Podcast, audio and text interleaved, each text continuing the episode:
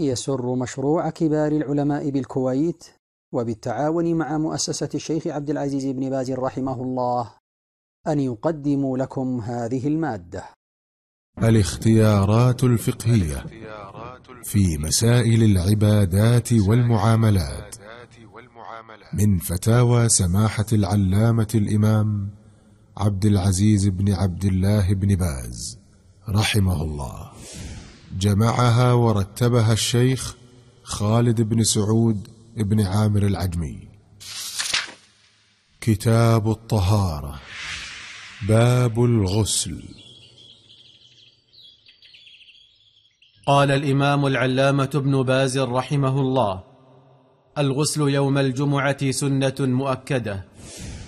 الغسل من الحجامة والغسل من غسل الميت هذه أغسال مستحبة. قوله صلى الله عليه وسلم غسل الجمعة واجب على كل محتلم. معناه عند أكثر أهل العلم متأكد. كما تقول العرب العدة دين وحقك علي واجب.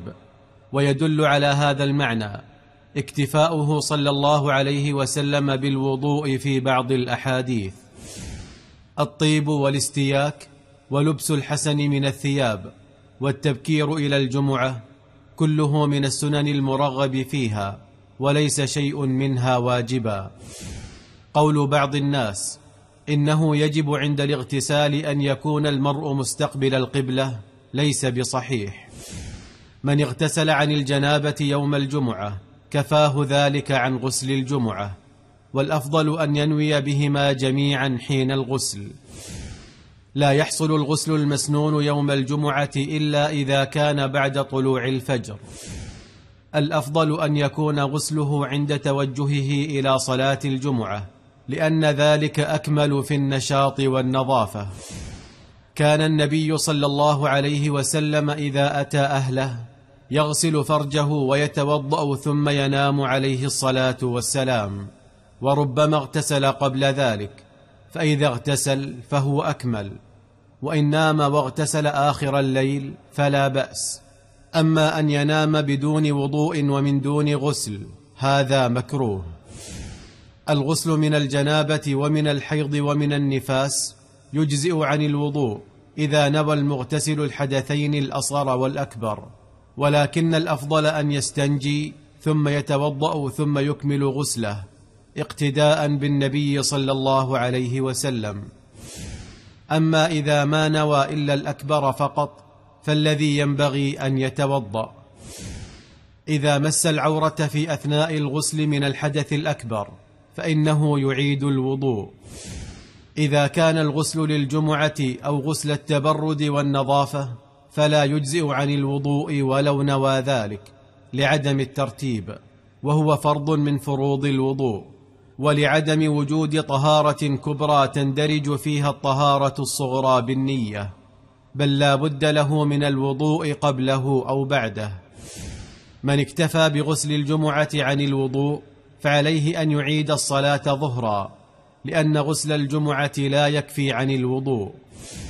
الغسل المستحب لا يجزئ عن الوضوء حتى لو نوى إلا إذا رتب يعني توضأ وهو يغتسل بالترتيب والنية.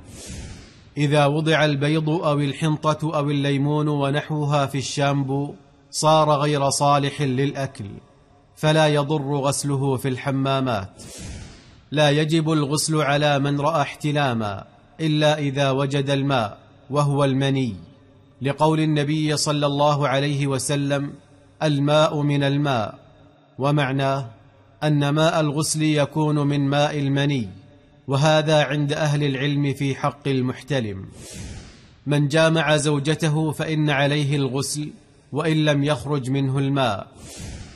حديث من غسل ميتا فليغتسل ومن حمله فليتوضأ ضعيف.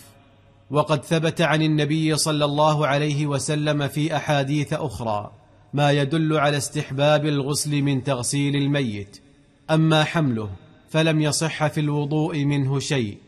ولا يستحب الوضوء من حمله لعدم الدليل على ذلك.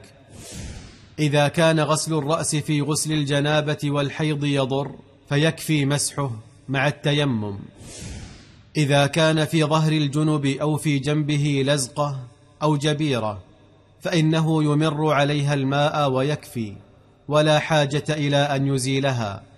بل متى مر عليها الماء كفى حتى يعافيه الله. وليس عليه تيمم بل يكفيه مرور الماء عليها.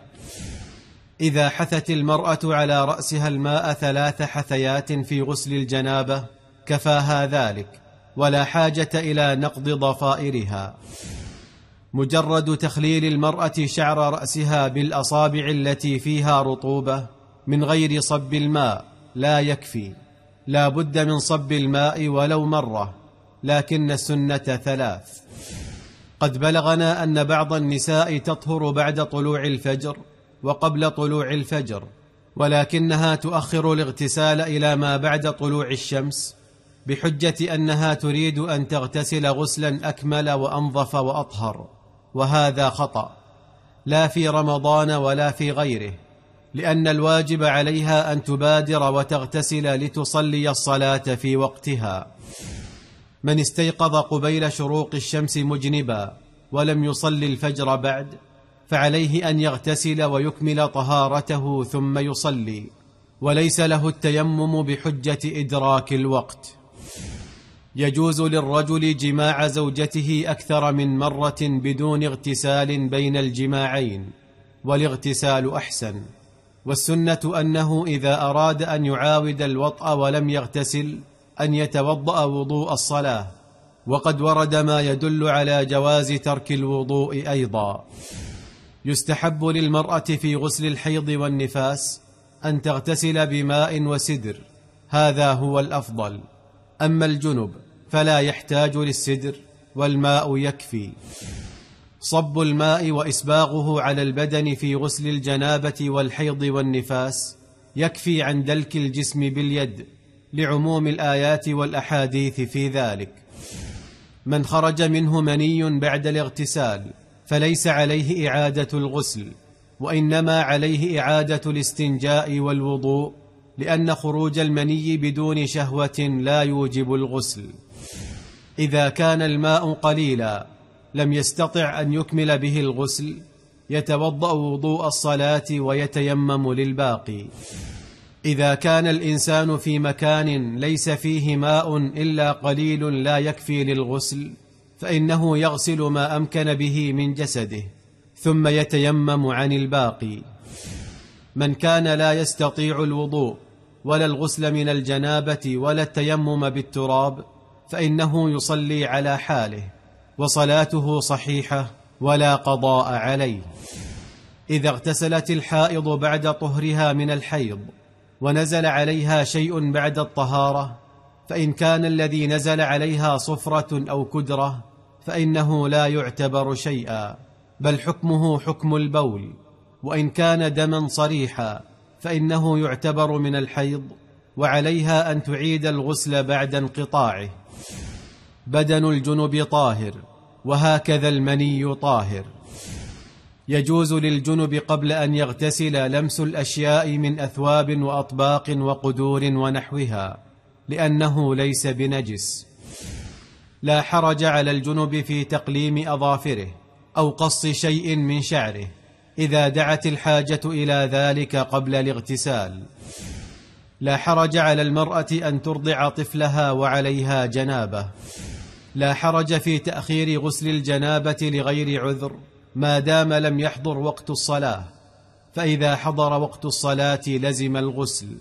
فقد ثبت في الصحيحين من حديث حذيفة وأبي هريرة أنهما لقيا النبي صلى الله عليه وسلم ثم انخنسا منه فقال لهما ما شأنكما؟ قال كنا على جنابة فكرهنا أن نجالسك ونحن على غير طهارة. فقال صلى الله عليه وسلم إن المسلم لا ينجس ولم ينكر عليهما بقاءهما على غير طهارة. والذي ننصح به أن المبادرة بالغسل طيب إذا بادر فحسن ولكن لا يلزمه. قد يعيقه عائق يخرج للسوق لحاجة يشتريها أو كذا فلا حرج عليه. إنما يلزمه المبادرة إذا حضر ما يوجب ذلك. الاختيارات الفقهية.